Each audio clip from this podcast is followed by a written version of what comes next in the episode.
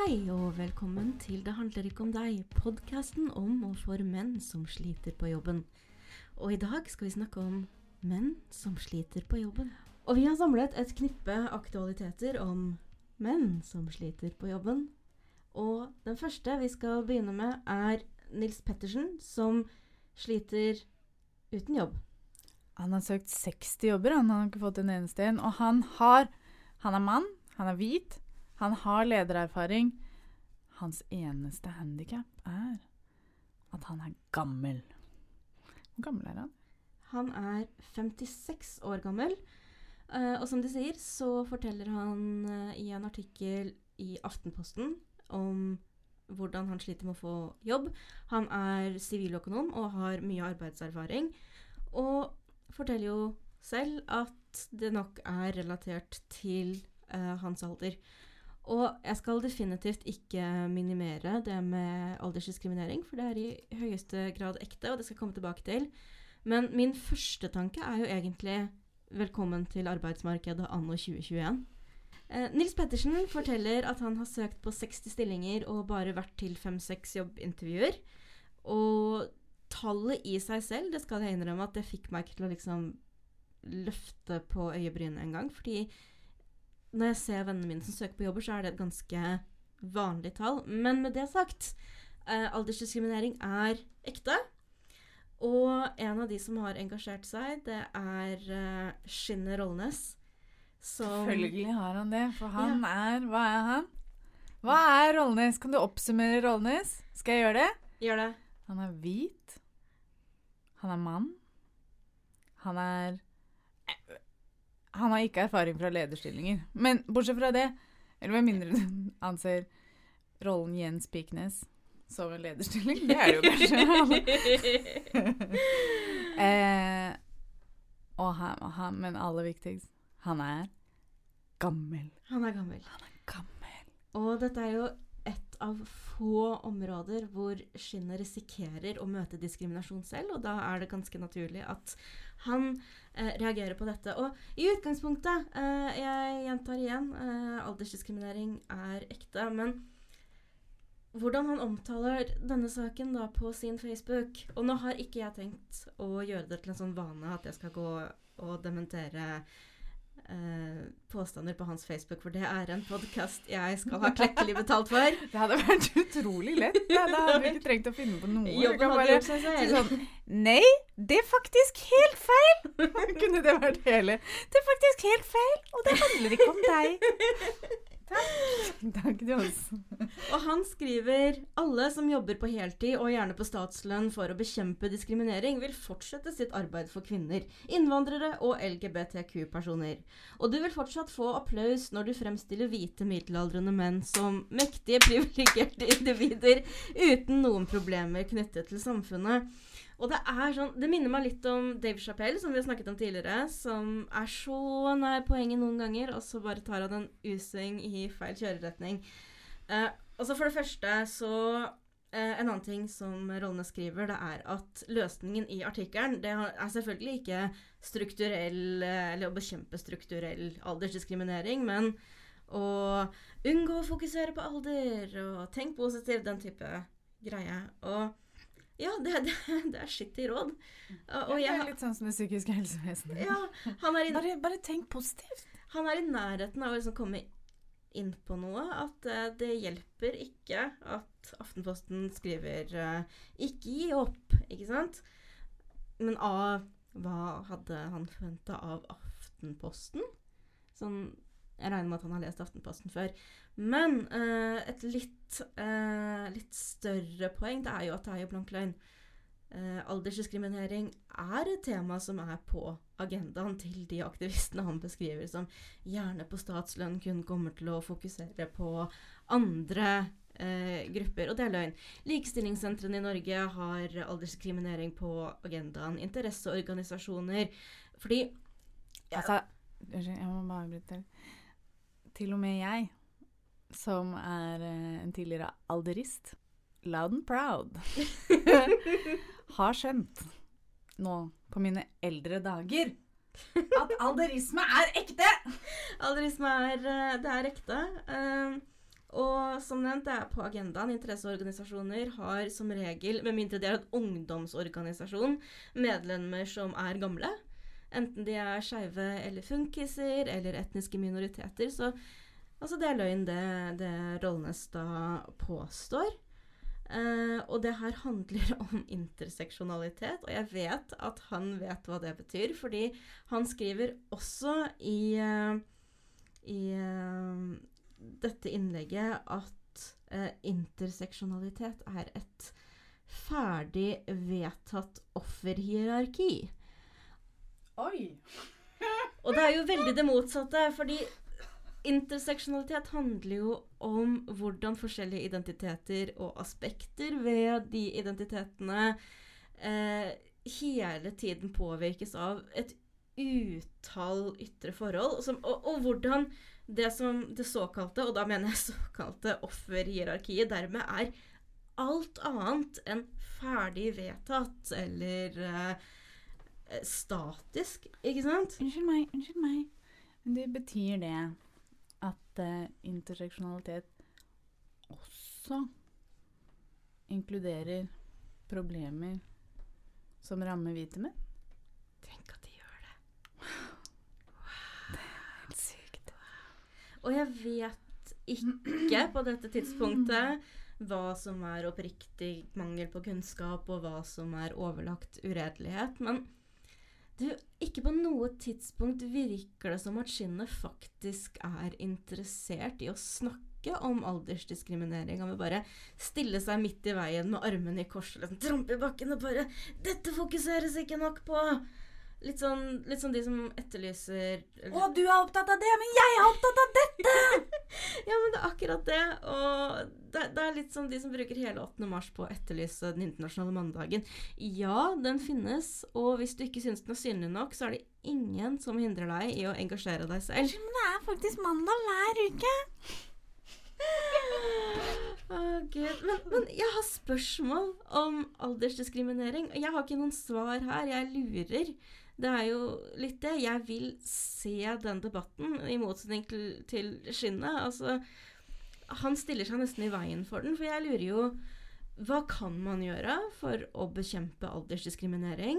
Og så bet jeg meg merke i noe som uh, Nils Pettersen sa selv eh, om at det er uvitenskapelig Eller det er en uvitenskapelig og ubegrunnet fordom om at det er en grense på 50 som tilsier at man ikke lenger følger med i timen eller har rett kompetanse. Og så lurer jeg på i hvilken grad Altså, stemmer det? I hvilken grad skal arbeidskjøpere uh, Ja, jeg er en av de irriterende folka som kaller det det. Uh, skal prioritere unge nyutdannede med fersk fagkompetanse? Og i hvilken grad skal de vektlegge eh, realkompetanse og erfaring? Dette er interessante spørsmål. Altså. Ja, jeg har et forslag. Hva om vi tenker på begge deler? Hva om vi tenker på begge deler? Det hadde vært en god løsning. Ja, og så er det også... litt bra, altså, jeg, og jeg, og jeg skal bare si det, at jeg, har, jeg, er litt sånn som hater på statlige bedrifter hvor ansiennitet eh, går foran kompetanse eh, og egnethet. Men, men må kanskje prøve Hvis vi hadde greid å få til å bygge litt sånn bro mellom nyutdannet ja, og Faktisk snakke om det, i stedet, i stedet, for å bare være sint på snakke Facebook. Snakke om det? Ja, faktisk gjøre det, da. Uh, og så er det også det, uh, hvis du er eldre, så er sjansen større for at du har nedbetalt bolig og bil. Uh, på hvilket tidspunkt skal du tenke at nå bør jeg gi plass til de som er unge og nyutdanna. Altså, altså, det har vi jo bestemt. Det er 67. Ja.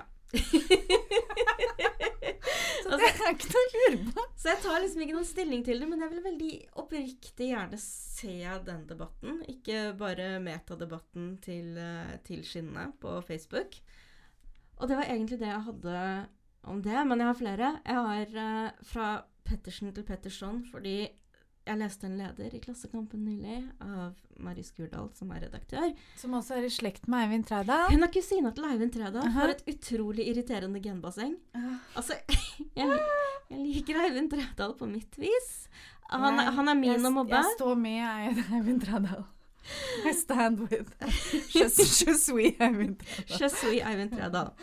Uansett. Uh, Mari Skurdal skriver om forfatter Per Petterson fordi i boka 'Mitt Abruzzo', uh, med en lengre tittel som jeg ikke gidder å lese, så skriver Per Petterson om at han uh, arbeida, eller at forlaget hans arbeida med den engelske oversettelsen av 'Menn i min situasjon', uh, som også da åpenbart er en bok av Per Petterson. Og Greywolf Press, som da er forlaget, har bedt ham om å endre på noe av innholdet i den boka for å gjøre den mer ideologisk spiselig. Eh, jeg bruker ideologisk spiselig fordi det står i lederen. Jeg vet ikke om det er eh, det de sa nøyaktig, da.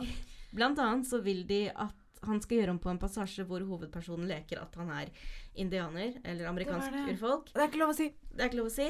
Eh, og så er det også eh, en passasje hvor eh, forfatteren Rudyard Kipling nevnes, og forlaget foreslår at Per Petterson nevner at han er en kolonialistisk forfatter. Og da veiver jo eh. Mari Skurdal med Altså, eller hun blåser i sensurfløyta, tror jeg at vi kan si. Og det er sånn Jeg har blanda følelser fordi eh, på den ene siden, da, så Selvfølgelig så skal man ikke Så skal Jeg har litt, uh, litt blanda følelser, men først og fremst Forlaget vil at boka skal være salgbar på markedet. De foreslår noen endringer som kan gjøres for å appellere mer til demografien de er ute etter. Og dette er for Per Petterson frivillig. Dette er ikke sensur, OK? Synes jeg at forlag skal prøve å påvirke ideologisk innhold i skjønnlitteratur? Nei, det, det, det er for all del ikke det jeg sier eh, i det hele tatt. Så, så jeg bare skjønner ikke hvor, hvor er sensuren i, i det her? Han har fått noen forslag. Og han står fritt til å Si nei. Jeg Ja. bare, Jeg vet ikke. Så han følte, men han følte kanskje at han ble kansellert hvis han ikke gjorde det. Å ja, det er, det, er, det er drøyt, og det er skremmende, og det minner om Nord-Korea. Åh, Kambodsja. hvem sa og- Nord-Korea? Det var bare meg. Det, oh, ja. det sto heldig, heldigvis ikke Ja, i, ja. i den lederen. Men, Nei, de eh, holder seg innenfor gråsonen. Ja. De holder seg innenfor. Og jeg tror også, jeg har lyst til å tenke at forfattere er smartere enn meg. Så jeg ville liksom ikke, jeg vil ikke lagt ned en bok fordi den ikke nevner at Rudyard Kipling er kolonialistisk, ikke sant? Men, men vi har liksom nådd kvoten vår da, av eh, heltedyrking, av problematiske forfattere. Men det jeg egentlig skal Jeg husker så godt det øyeblikket hvor jeg bare skjønte at nå er det over. Nå er det over. Men- Aldri, hva er det det heter? Never meet your heroes. Ja. Så en ting som eh, jeg bet meg merke i at, eh, at Skurdal skriver, det er at man risikerer å innskrenke kreativiteten og innlevelsesevnen som god litteratur er helt avhengig av. Og uten å gi noen støtte til at man skal sensurere eller moderere ideologisk innhold, så når publikum ber om noe nytt, så handler det om subvertering av det som er gammelt og oppbrukt. Og står ikke det i motsetning da til å innskrenke Det er jo akkurat det vi prøver å si! Det er jo akkurat det vi prøver å si, men de vil ikke høre etter. Per Petterson vil ikke høre etter. Eller jeg vet ikke. ny forskning er ikke en trussel gammel forskning, det er utvikling. Nye innspill er ikke en trussel mot etablerte sannheter. Vi beveger oss framover, ikke bakover. Man står fritt til å velge selv. Korriger meg om jeg tar feil. Ah, det er harde dager for menn på jobb. Ja, apropos gamle menn som sliter på jobben. Er det en gammel kjenning?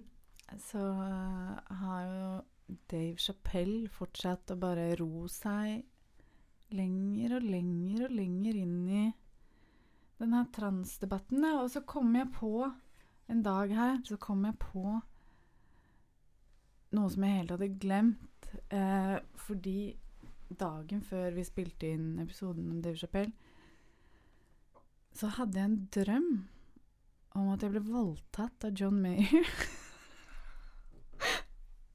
Har den drømmen hele tiden.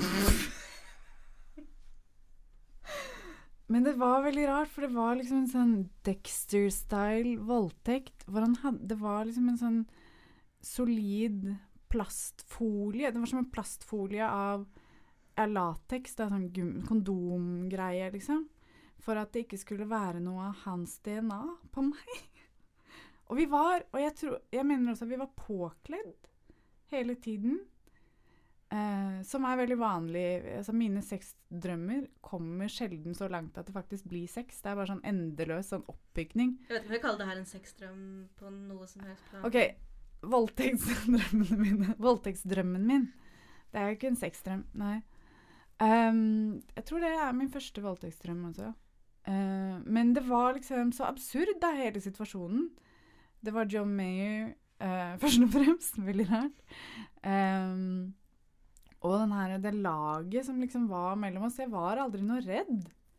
Det var liksom Det var bare sånn Og det er jo for så vidt kanskje også vanlig opplevelse. Eh, at man liksom i situasjonen blir sånn Man dissosierer. Eh, for jeg følte veldig at jeg så det utenfra, det som skjedde. At var, jeg var ikke helt sikker på om det var meg. Eh, men uh, så skjønte jeg jo etter hvert at det var meg, da, og at det var en voldtekt. Og at det, eh, det, var, det var noe som skjedde som gjorde at det virket litt traumatisk også. Men så har jeg prøvd å analysere hvor den drømmen kom fra. da. For det var da dagen før vi spilte inn sist. Da hadde jeg sett, sett Dave Chappelle uh, sin The Closer to ganger og tenkt mye på hva vi skulle snakke om. Og så kom jeg på at en av grunnene til at jeg fikk en sånn ny fascinasjon for Dave Chappelle for et par år siden um, Det var at han var med på For han er veldig god venn med John Mayer. Eh, Selvfølgelig er han det. og eh, de har gjort standup sammen, og de er jo sånne morsomme, uspiselige menn. Men jeg er jo litt glad i morsomme, uspiselige menn. Jeg har en svakhet for det. Eh, og Instagram Nei, Instagram. og John Mayer hadde et sånn Instagram talkshow en periode som het Current Mood. Hver søndag så hadde han liksom venner og musikere eh, hjemme hos seg selv, og noen ganger liksom musikalske gjester, men et talkshow hvor bare han satt eh, foran en vegg av eh, teddybjørner. og en sånn logo som var laget uh, basert på uh, Care Bears-designet. Uh, så hadde han en sånn koselig søndagstalkshow. Det føltes veldig som at det var for vennene hans, at vi Vi var veldig heldige som fikk lov til å være med på dette veldig intime showet til John Mayer. Wow, det var oppriktig! Eh, men uansett, da. em, en gang så var eh, Dave Chappelle eh, gjest. Og han var så dritings.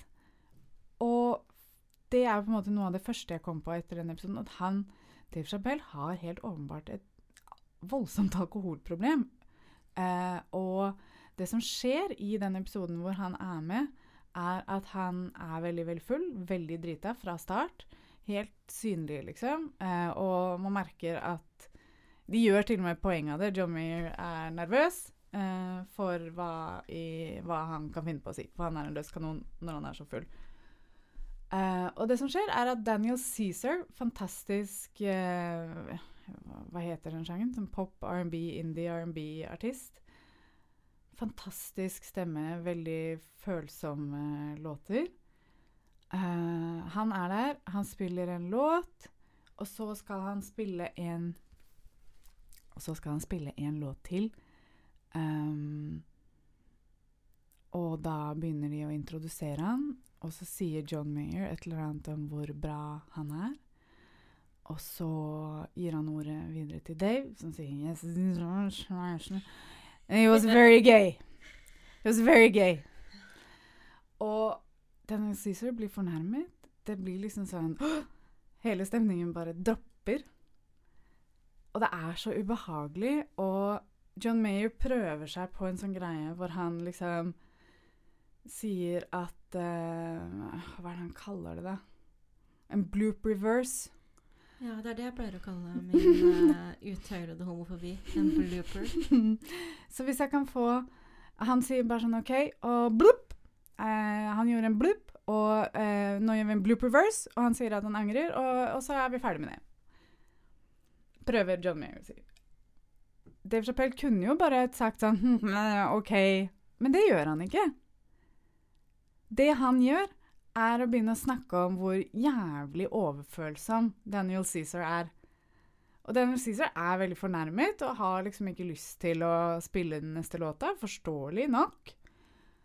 Eh, og så går John og Dave går litt fram og tilbake. Dave forklarer seg uten å forklare seg, han, som han gjør. ikke sant? Han sier Han gir inntrykk av at han skal si unnskyld og beklage, og så gjør han det ikke. Det er nesten som han har et mønster. Du skulle ikke tro! Hva er det de kaller dette, Maren? På godt eh, fagspråk. Hva er det de kaller det? Gaslighting. De kaller det Han gaslighter Daniel Cæsar, og det funker! Det er så jævlig trist, fordi Daniel Cæsar han har jo ikke lyst til å være den som ødelegger stemningen i den settingen. Han vet at det er live. Det blir sendt live. Eh, masse folk som ser på. Eh, så han sier sånn ja, Nei, faen, sorry, ass. Nei, jeg, du har rett, jeg er jævlig følsom. Og, og, og Dave blir dritfornøyd, ikke sant? Og John er liksom eh, Og så går de videre. Og så ja, prøver, Jeg tror han prøver å adressere det en gang til. Men ja, det blir bare Det blir bare så jævlig flaut, da. Eh, og og det, liksom, når jeg begynte å tenke på det, så kom jeg på at Dave Chappelle han har Han er jo alltid dritings. Eh, og det er han jo også i et mye omtalt nytt klipp fra et show han har hatt. Og dette er da etter The Closer, som vi har snakket om tidligere. Og hele det showet med, med kontroversen og, og alt det der. Uh, det eneste som overgår promillen hans i det klippet, er vel uh, selvrettferdigheten. Så han skal da her snakke om uh, alt som har skjedd i kjølvannet av The Closer. Og han benekter først at han har eh, blitt invitert til en samtale med transpersoner ansatt i Netflix. Det vil han ikke ha på seg. Det er ikke et rykte jeg har hørt i det hele tatt. Men det er åpenbart veldig viktig for Dave Chappelle om dagen å adressere absolutt all kritikk som rettes i hans retning. Eh, så han, han åpner jo med det. Eh, og så snakker han om at transpersoner i Netflix har jo da etterspurt et trygt arbeidsmiljø, og at de derfor er mot at hans uttalelser eller hans spesialer og uttalelsene i disse skal ligge på Netflix. Og så sier han da eh, Men han er jo den eneste personen som ikke lenger kan komme inn på kontoret. Hvilket jævla kontor? Har han noensinne gått på Netflix-kontoret, eller er det noen andre på det kontoret som faktisk ikke får komme tilbake? Eksempel eh, transpersonen B. Pagels Bagels Minor, som faktisk har fått sparken eh, og skulle egentlig arrangere en walkout. som er eh, gravid. som er gravid. Uh, og så sier han, uh, altså Chapelle, at uh, Og alle LHBT-folk som han har snakket med, har jo bare vært støttende og gitt ham komplimenter. Og han har jo etablert ganske godt at han ikke egentlig er interessert i dialog med noen andre enn de som er enige med ham. Så det kommer jo ikke som en overraskelse. Å jo da, de kan få audiens hvis Ja, og det her er også de altså, går med på noen ting. Ja, ja. Språket hans er jo eh, også um, veldig, veldig pompøst. Han, han sier på et tidspunkt da at eh, ja, de kan få audiens med ham, uh, men de har bare ikke Jeg tror han sier 'call, call upon him', altså tilkalt ham. Men da må de Sammen, sier han. ja, ja, Sammen him. Eh, og da må de gå med på noen betingelser. De skal møtes der han vil. Han, og, og når han vil. Han bøyer seg ikke for noen. Og ikke minst så må de innrømme at Hannah Gadsby ikke er morsom. Og bare for å gi litt kontekst her. Hannah Gadsby er da en lesbisk komiker som Netflix-sjefen nesten brukte som et sånn alibi for deres mangfoldighet eh, da han gikk ut og forsvarte Dave Chappelle. Og Hannah Gadsby var ikke helt nådig i sin omtale av Netflix. Hun kalte dem en amoralsk algoritmekult. Men det viktigste er at hun poengterte at det er veldig kjipt hvor mye hets og hat som blir retta mot mennesker som henne og henne selv hver gang Dave Chappelle har gitt ut en ny spesial som han tjener millioner av millioner på. Og det er den eneste tilknytningen hun har til den saken her. Og hva gjør Dave Chappelle? Jo, han velger å nevne henne veldig bevisst, sånn at enda mer skyts skal rettes mot henne. Han lærer aldri noe. Det er bare så Mats Hansen-ass-oppførsel. Jeg, jeg bare Og så er det også det. Nok en gang så velger han å sette den skeive bevegelsen opp mot den svarte bevegelsen, som om de er motsetninger, ved å liksom skylde på at han har blitt kansellert. At en film han har laget om eh, George Floyd, ikke eh, blir akseptert inn på festivaler, og at han, at han har blitt avinvitert fra arrangementer. Eh, like før han fortsetter med å annonsere alle visningene av filmen hans, som han sier at eh, folk blir forhindret i å se på grunn av den skeive bevegelsen. Se på dem, se på hva de gjør. Igjen bare prøver å skape den spliden nok en gang. Jeg må bare trekke tilbake noe jeg sa i vår aller første episode, eh, der vi snakker om Mats Hansen og puppastemning. Um, hvor jeg sa, for å illustrere at Mats Hansen ikke er så smart i humoren sin, så sa jeg han er ingen Dave Chappelle. Å, oh, wow! Lite visste jeg hvordan jeg skulle plukke Dave Chapelle fra hverandre, bit for bit, bare noen uker etterpå. Men her er vi, altså. Jeg, jeg trekker det tilbake. Ja. Det, er ikke, det, er ikke, til fordel for Mats Hansen. Men uh, jeg leter ennå etter Hvor de mektige har falt. Ja. Men apropos Mats Hansen. Uh, en annen mann som sliter på jobb, er ikke Mats Hansen, men kjendismanager Erland Bakke. Ja, han har gått i bakken.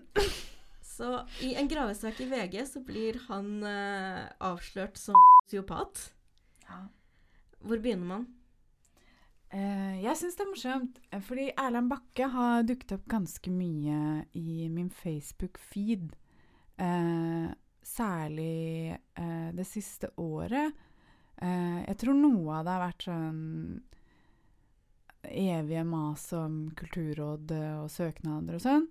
Men så har han prøvd å ha Han har liksom prøvd inni den gruppa eh, og Hvilken gruppe er det snakk om? For å oh, ja, unnskyld. Eh, Facebook-gruppa Bransjaprat. Et Forum for musikkbransjen.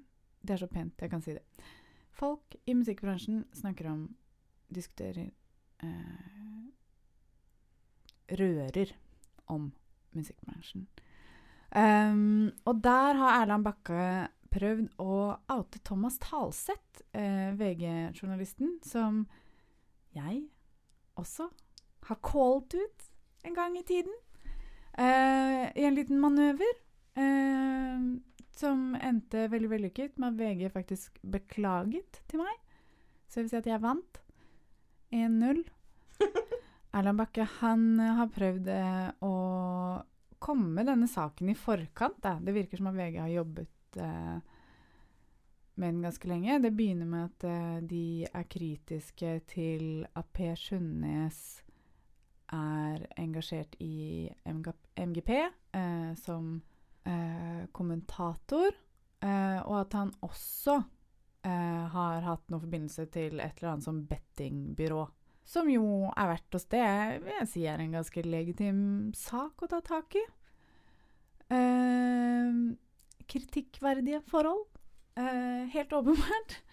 Eh, men Eh, Erland Bakke har fremstilt dette som at eh, det er veldig urettferdig, eh, og har jo da selvfølgelig fulgt på Eh, fordi Thomas Talseth har fått kritikk, så han tenker at OK, dette er bankers. Her, nå Nå, nå, nå står jeg fram med min story om hvordan Thomas Talseth har misbrukt meg eh, og er ute etter meg, sånn som eh, stakkars Tone Damli eh, og de pene jentene og Christer Falk. De pene jentene og Christer Falk. Um, men eh, det har vært veldig, veldig lunken respons, altså. Folk har stort sett vært sånn Ja ja, OK, liksom. Noen er litt sympatiske, liksom. Skjønner er, man skjønner jo at det ikke er noe gøy. Men uh, det har liksom han har, han har lagt ut mailutvekslinger, og det er liksom ingen For som Per. Sundnes er jo da medeier i Motormouth, som er managementselskapet til Ja. Erland Bakke. Kanskje greit å få med. Kanskje greit å få med. Ja, det var greit å få med. Men han har jo en ganske lang og solid historie med lyssky aktiviteter. Han måtte forlate en direktørstilling i A-media i 2009 pga.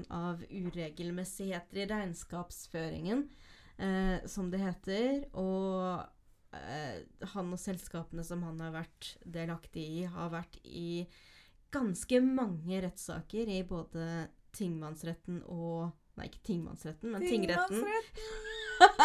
ja, det var jeg som slår sammen tingretten og lagmannsretten, fordi jeg vil få tiden til å gå eh, Høyestemannsretten.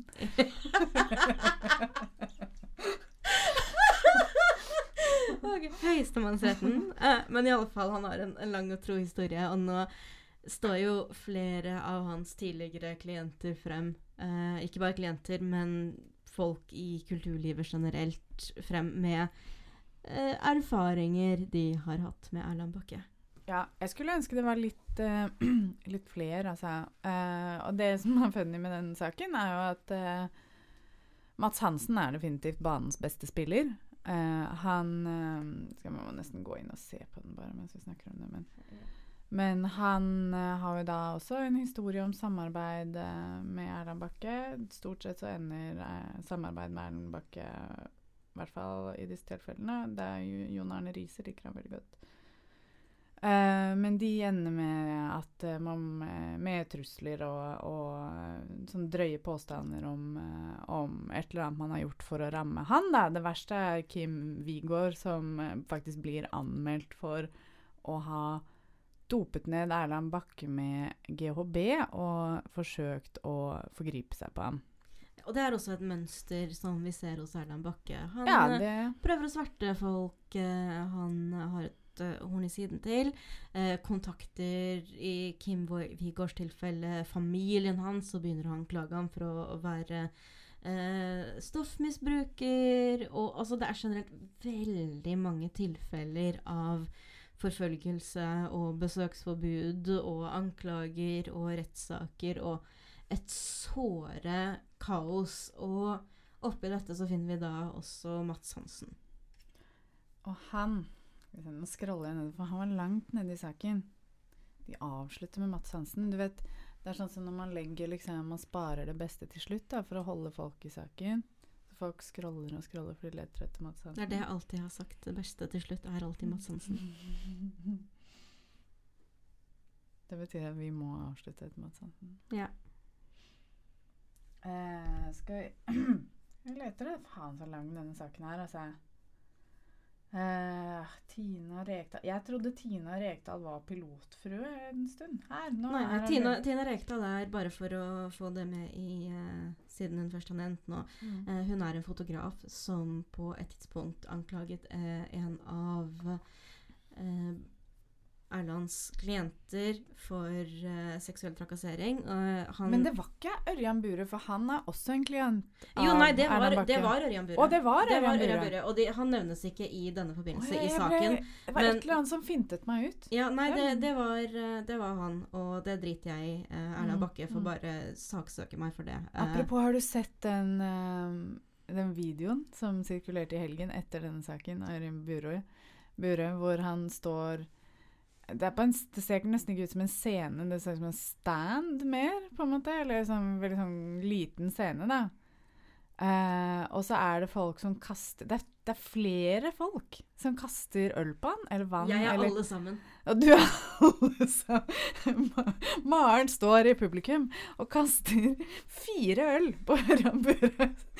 Ikke samtidig, men én og én. Først én, og så kommer det en til. Og jeg tror, kom, det, jeg tror kanskje det er tre.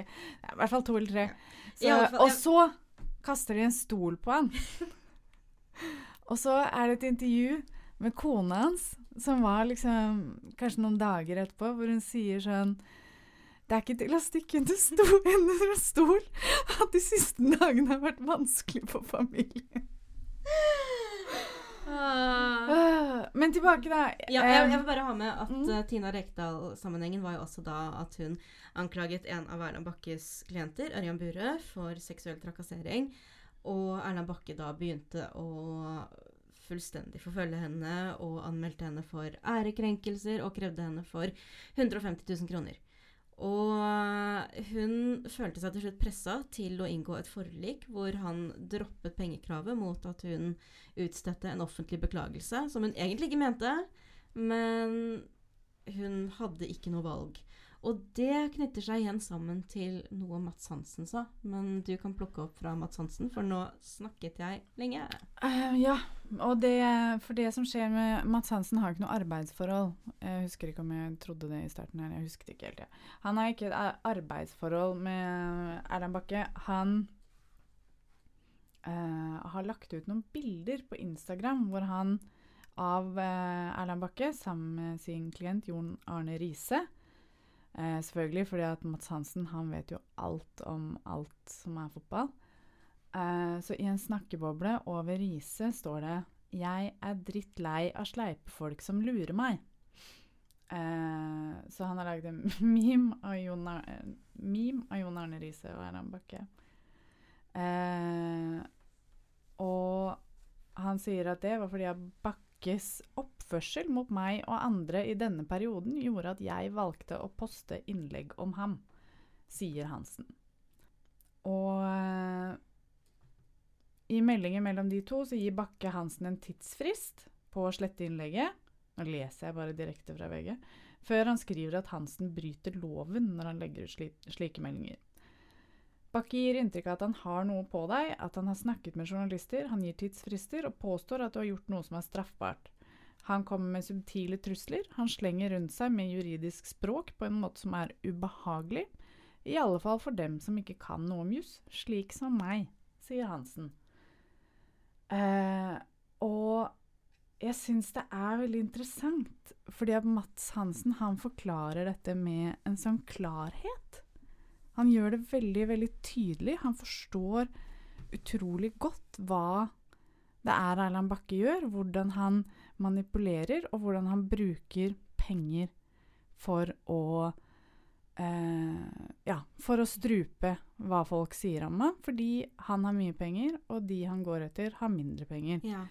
Bortsett fra i tilfellet Mats Hansen, fordi Mats Hansen eh, avviste jo eh, Bakkes forslag om å gjøre det samme som han gjorde med Tina Rekdal. At han dropper pengekravet hvis han får en offentlig beklagelse. Og det avviste Mats Hansen, og han sier da til VG eh, at han har en trygg økonomi, og så sier han tenk om jeg ikke hadde det. Da måtte jeg enten beklaget for noe som ikke trengs å beklage for. For en gangs skyld er jeg enig i Mats Hansen, at han ikke trenger å beklage en ting. Eh, tatt opp lån for å få råd til advokathjelp eller blitt ruinert. Andre har nok i realiteten ikke hatt noe valg, og det er jo ganske åpenbart en referanse til Tina Rekdal. Så igjen så har han jo en veldig klar refleksjonsevne rundt manipulasjonsmetode og alle disse tingene her, da. Og det er eh, veldig interessant, fordi at eh, det Erland Bakke egentlig Altså det han sk beskriver at Mats Hansen er, er jo helt sant. Ja, for han sier vel at Han sier at han er en bølle, Bølle, i sosiale medier, eh, og at det er både riktig og nødvendig å prøve å stoppe hans mo- mobbeatferd. Men Altså- Mats Hansen, han er en sånn self-righteous bølle Ja. som bøller når han har en sånn derre ridderlig grunn til å gjøre det. I egne øyne, selvfølgelig. noen I ganger. egne øyne. I denne I dette tilfellet, er I dette tilfellet treffer han helt Ja. rett. Han Ja. sparker oppover. Absolutt. Det er det det handler om. Og jeg vet at vi lovte at vi skulle liksom avslutte på, på Mats Hansen, siden Mats Hansen alltid er uh, god på slutten. Men vi må for ordens skyld, siden vi først snakker om Erland Bakke, eh, komme inn på den paragrafen i gravesaken til VG som omhandler hans stakkars au pairer. Bare for de som ikke har lest saken, da, og kanskje ikke er helt innforstått med alt vi snakker om her, så er Erland Bakke den type person som Da hans tidligere au pair tok han til forliksrådet for å kreve utestående lønn, feriepenger og utgifter til norskkurs, som loven sier at de skal få, så kontret han med å kreve henne for 123 000 kroner for noen riper i en marmorbenk på kjøkkenet, og klær som ifølge han var vasket feil. Um, I 2016 så var lønnen for en au pair 5600 kroner i måneden, og de har ikke lov til å tjene noe mer enn det. Han krever henne altså for 123 000. Og, men altså forliksrådet ga fullt medhold til au pairen, og de avviste hans, uh, hans motkrav. Uh, og det er en annen au pair også, i 2012, som gikk til retten for å få tilbake personlige eiendeler fra Bakke. Jeg lurer veldig på hva slags personlige eiendeler det er snakk om. Men han ga dem tilbake før det ble rettssak, to dager før. Så ja, det, dette er da typen person Erland Bakke har uh, har Er. Er. Er. Har valgt å være. Nå Det er- finnes en diagnose. det finnes en diagnose. Det finnes en diagnose her. Det er ikke vår jobb å gi den, Nei, men det finnes en diagnose. det gjør det. Skal vi si ha det? Ja. God helg. Snakkes. It was just